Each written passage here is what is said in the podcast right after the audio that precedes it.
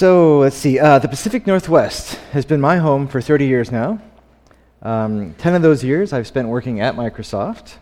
And then I spent eight years prior to that trying to get a job at Microsoft. Um, so I work specifically with communication technologies uh, video, voice, conferencing, presence, and messaging. I don't design technology and I don't code the technology. I'm what they call a support escalation engineer, which means that I troubleshoot problems with technology. And so far, I've got pretty good job security. Um, most of the problems that land on my virtual desk are ones which could not be solved by the front lines of support, hence the word escalation in my title. By the time people even begin talking to me, they have already worked with several others who failed to fix their problem. So the expectations are high and the patience is very low.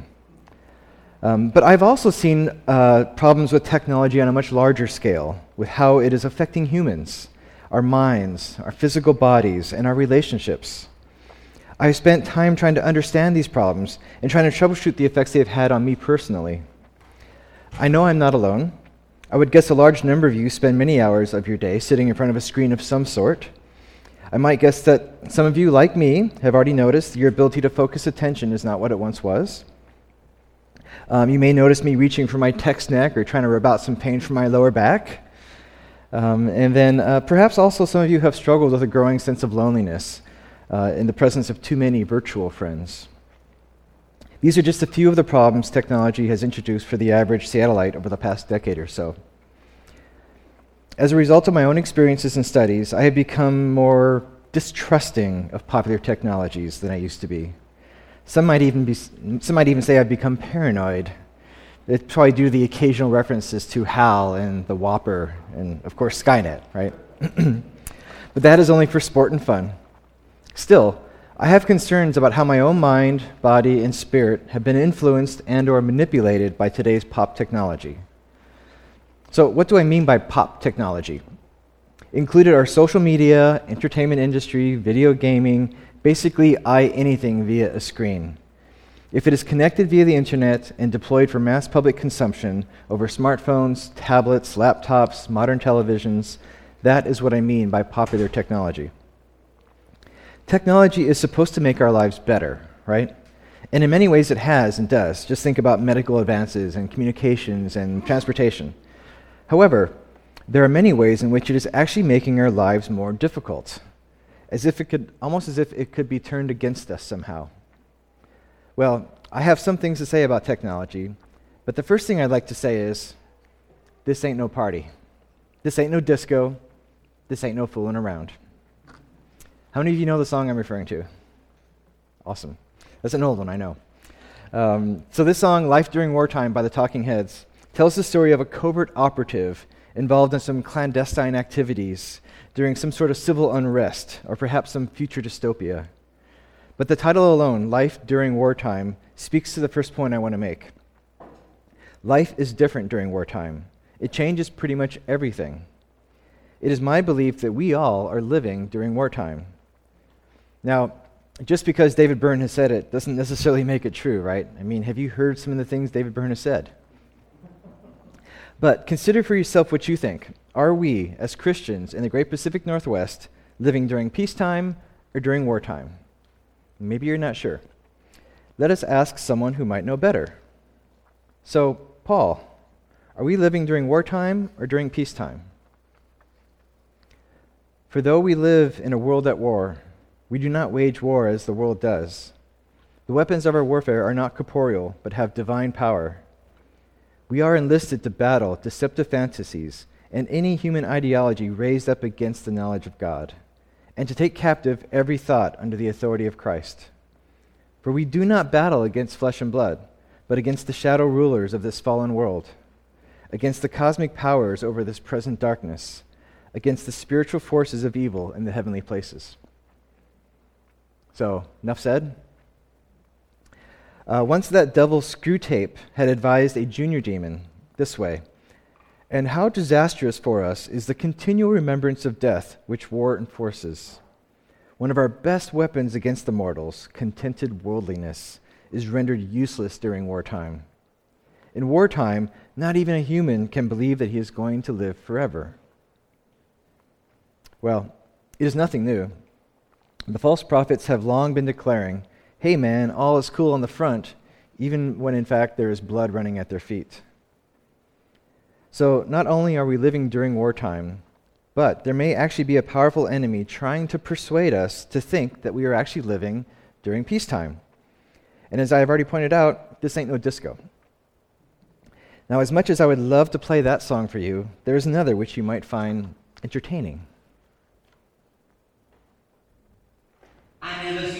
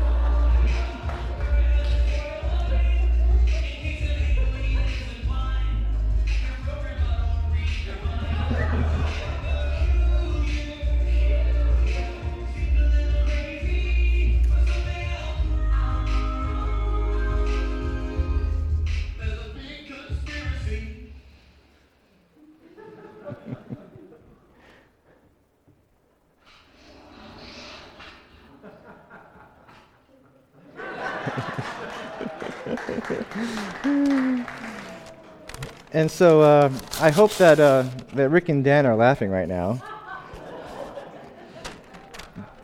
Because um, giving me an audience to talk about the dangers of technology is not altogether dissimilar to putting Weird Al Yankovic on live TV. So, donning the tinfoil hat is admittedly just a gimmick. Uh, it is getting harder and harder to capture your attention in, these, in this day and age. And sometimes, you know, a funny hat will do the trick, right? Um, but it is not just a gimmick, it is also an object lesson of sorts. The term tinfoil hat has become associated with paranoia and conspiracy theories. And I realize that just saying the words technology and danger in the same sentence is going to cause some of you to think me a conspiracy nut job. So go ahead, get it out of your system if you must. So the tinfoil hat is really just an effort to protect oneself, and what could be wrong with that, right? At root, it represents a basic distrust of technology in the hands of other people. Or, yeah, in the hands of aliens, maybe from another planet, if they even have hands, but that's another story. Anyway, uh, distrust can and sometimes does fall down into the hole of fear and delusion and general nutjobbiness. But is the desire to protect your mind really all that crazy? I don't think so in the slightest. So, but surely, you know, a hat of foil isn't going to do the trick. I mean, you'd have to cover your entire body in this stuff, and who can live with that, right? So there must be better ways to protect ourselves. But do we really need protection? Well, like the saying goes, just because I am paranoid does not mean they are not out to get me. Is the government covering up evidence of alien landings? Are powerful elites plotting a new world order? Is global warming a hoax? Are vaccinations really a plot of the Illuminati to bring about mass mind control? Are lizard people taking over the planet? It's possible. The amount of conspiracy theory websites out there on the interwebs presents a deep and dangerous hole. I have witnessed a few people fall down that hole, but thankfully there are handholds to climb back out. But I want to take this opportunity to warn you about this. In a way, conspiracy theories about popular technologies are one of the many threats presented by popular technologies. Uh, it would be really difficult to fall down that hole if you were a Luddite. By the way, a Luddite is a person who completely forsakes the use of all technology, and I am not here to suggest that you become one. Conspiracy theorists rarely endorse just one single conspiracy. Rather, embracing one often serves as evidence for belief in many others. And this quickly turns into an all encompassing worldview, a lens through which we view the world.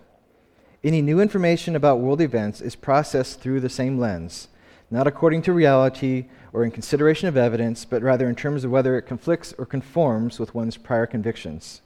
Again, deep and dangerous hole. However, there is reason to be suspicious and maybe even a little paranoid. At some point in the past, someone thought it was a good idea to learn about the weaknesses of the human mind from psychology and then apply those learnings to marketing and advertising in order to increase the bottom line. No outright conspiracy, really. Probably just greed. Nothing surprising there. Surely it goes back before Hitler and his war machine, but Nazi propaganda efforts taught the entire world how to turn psychological advantage into psychological exploitation and manipulation. The defending allies observed and learned and fought back in kind.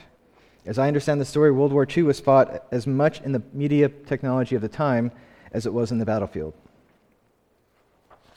What may surprise you, though, is that today's pop technologies are actually encouraging paranoia. Let's take a look at the definition of paranoia. From the Greek, paranous, which means distracted or irregular mind. There has been a lot of science done in recent years about, the human, about human attention, and the findings suggest that chronic distraction is more than just an irritation, more than just the source of too many car accidents.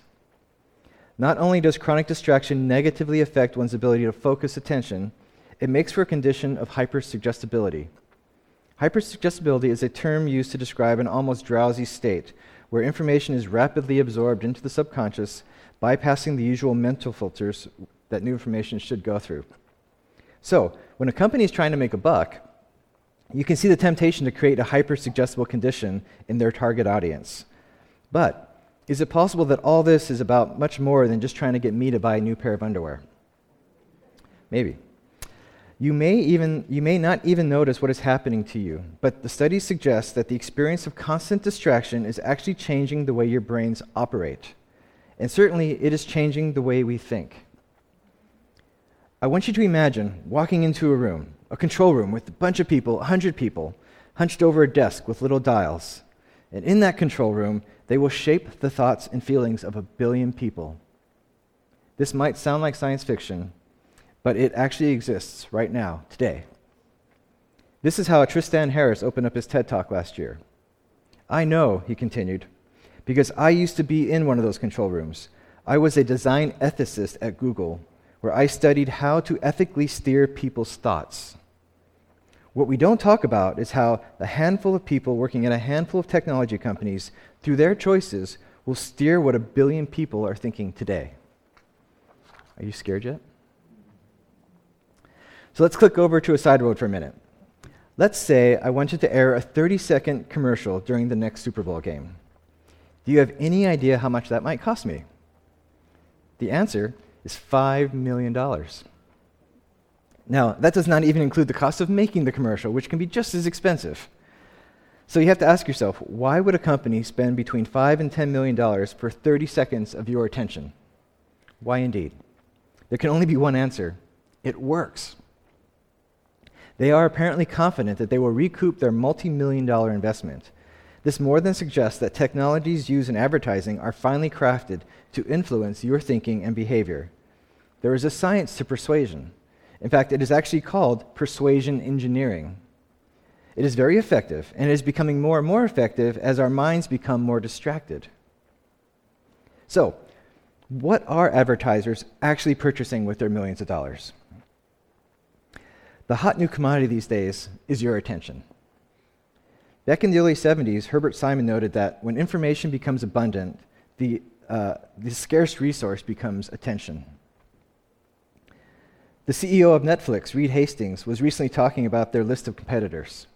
In that list, he mentioned YouTube, Amazon, Snapchat, Facebook. Nothing surprising there, I suppose. But also included in that list, sleep. Yes, Netflix sees your human need to rest as a direct competitor to their product, and therefore to their bottom line. Now, obviously, our attention is a precious commodity, but does it seem like tech giants are placing a higher value on our attention than we are? Could it be that undervaluing that undervaluing on our part is uh, just a part, you know, an accidental byproduct of technology, or is it somehow baked into the technology? Hmm. In another TED talk called Distraction by Design Why the Attention Economy is in a Moral Crisis, James Williams is a very interesting thing. He lists some common human goals and compares them with common goals of popular technologies. I've modified his list a little bit here. So, human goals.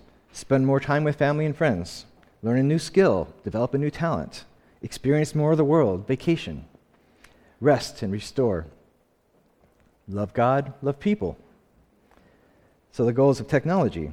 Click more links, spend more eye time watching advertisements, be more sedentary, Pay more attention to product or company branding. Spend more money. I don't really need to state the obvious here, do I? Technology is supposed to make our lives better. It is supposed to help us accomplish our goals. But today, our goals are, are in a serious conflict. Pop technology is simply not on our side. So, am I just being paranoid, or is someone really out to get me? What if all that digital distraction is not just about persuading me to buy another pair of underwear. What if this powerful thing, persuasion technologies, fell into the wrong hands? Remember my first point. We are living during wartime. The phrase, they are out to get me, raises at least two interesting questions I want to explore. First question who is they? Is it the Illuminati? Aliens from another space and time? Foreign world governments? My own government, maybe.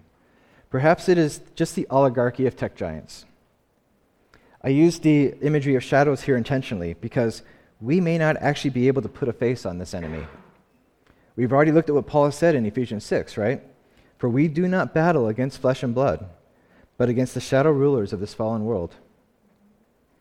In 2 Corinthians, Paul is talking about the importance of not harboring grudges and hard feelings towards one another.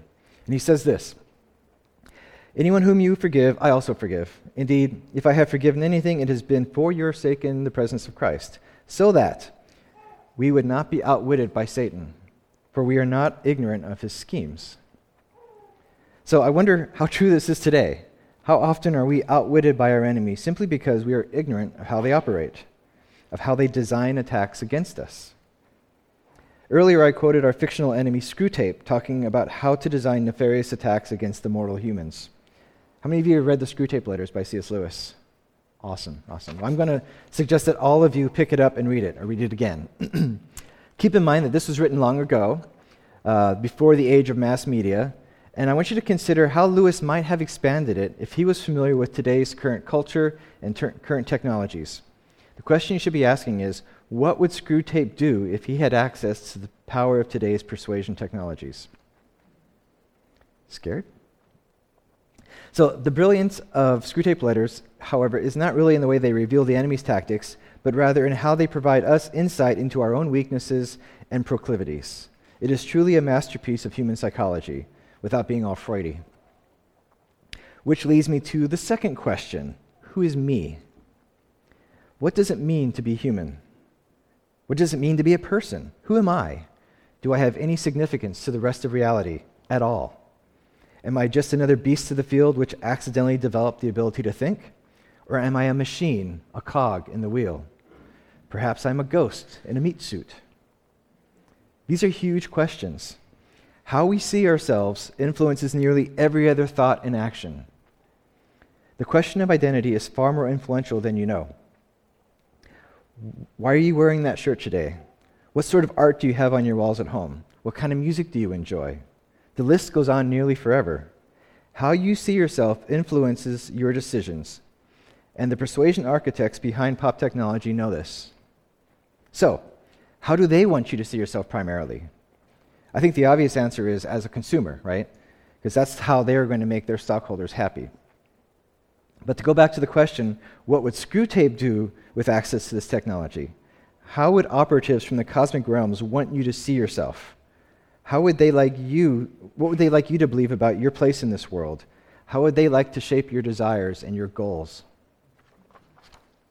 I cannot prove it, but what if popular technology is actively changing how you see yourself today as a person? Big questions, like I said. But let me add one more. How would Christ want you to see yourself? It is common to refer to ourselves as having a mind, body, and spirit. And I'm not certain whether this is a complete perspective, but at least it does give us a framework to operate from.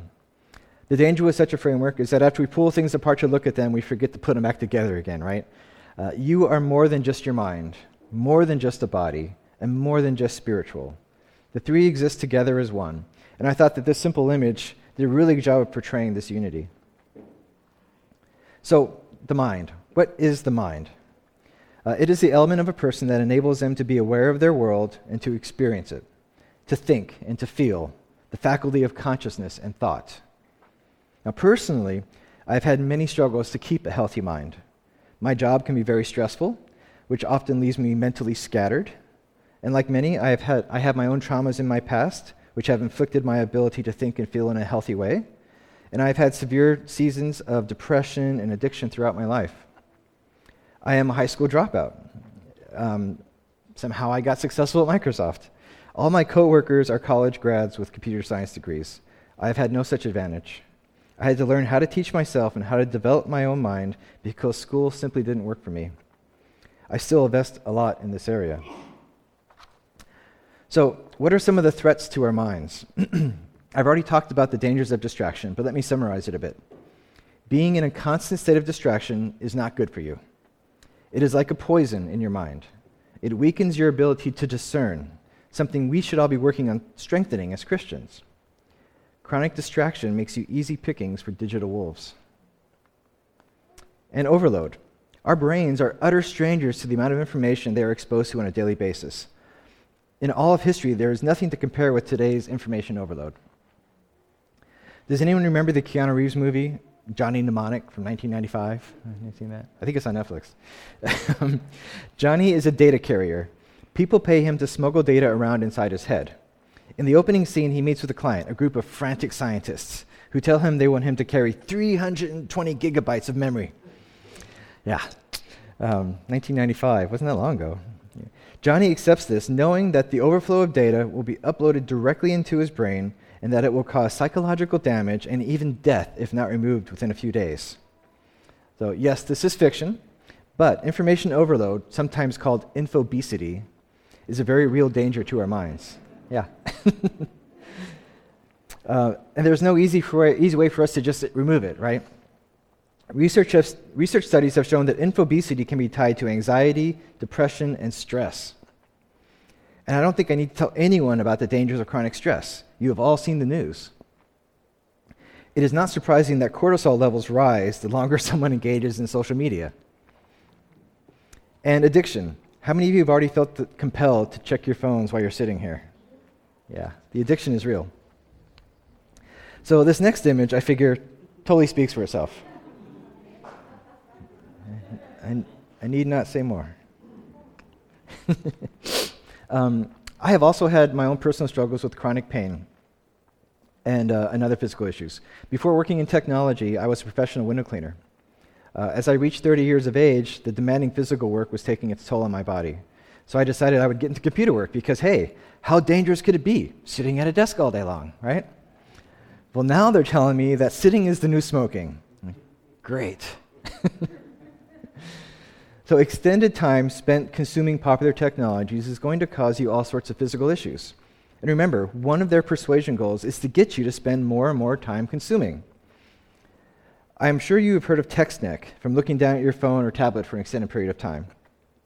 Hours upon hours of sitting with poor posture, whether at a desk or as, a, or as couch potatoes, is going to take a toll on your spinal health. Which, if the chiropractors are correct, this is going to lead to all sorts of other ailments because the nervous system cannot operate well in a jacked up spine. This little Lego guy, where'd he go? There he is. So, this little Lego guy in a radiation suit is a suggestion that we may not know all the physical dangers associated with our cellular and wireless technologies. Electromagnetic frequencies is, are not completely harmless, and we only have a few years of exposure to them so far. Who knows what the effects will be on our children after 30 to 40 years of bathing in EMFs? Should I put my tinfoil hat back on at this point? So, this next slide is super busy on purpose. Science research has shown that elevated cortisol levels in the body from chronic stress can lead to all kinds of physical chaos. Look it up, do your own research. The next time I see you, you also may be wearing a tinfoil hat. So, this slide also represents the fact that I've already stated the mind and the body are not separate things.